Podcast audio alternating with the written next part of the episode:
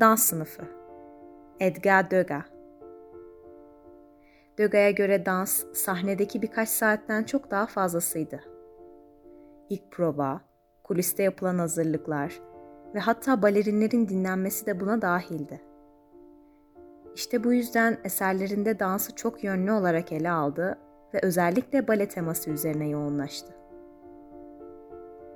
Eserlerinde görmeye alışık olduğumuz ısınan, dinlenen, prova yapan balerin figürlerine bu eserinde de rastlıyoruz.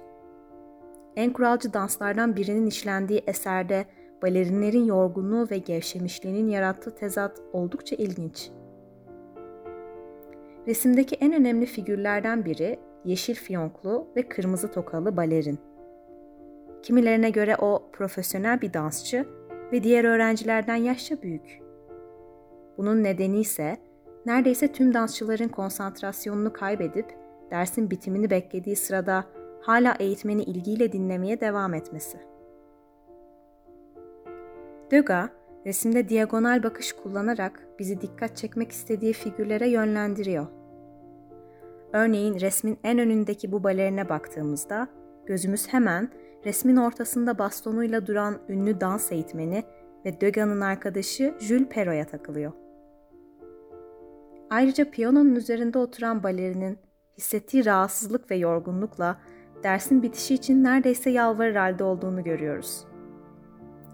Figürün kostümünü düzeltirken resmedilmesi bale kıyafetlerinin rahatsızlığını ve uzun bir süredir dansçının üzerinde olduğunu düşündürüyor.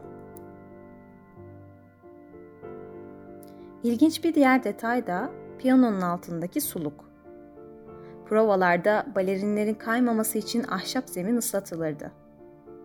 Empresyonist ressam Degas da bu eserinde zemini tasvir ederken ahşabın ıslatılmasından kaynaklanan ton farklılıklarını atlamamış.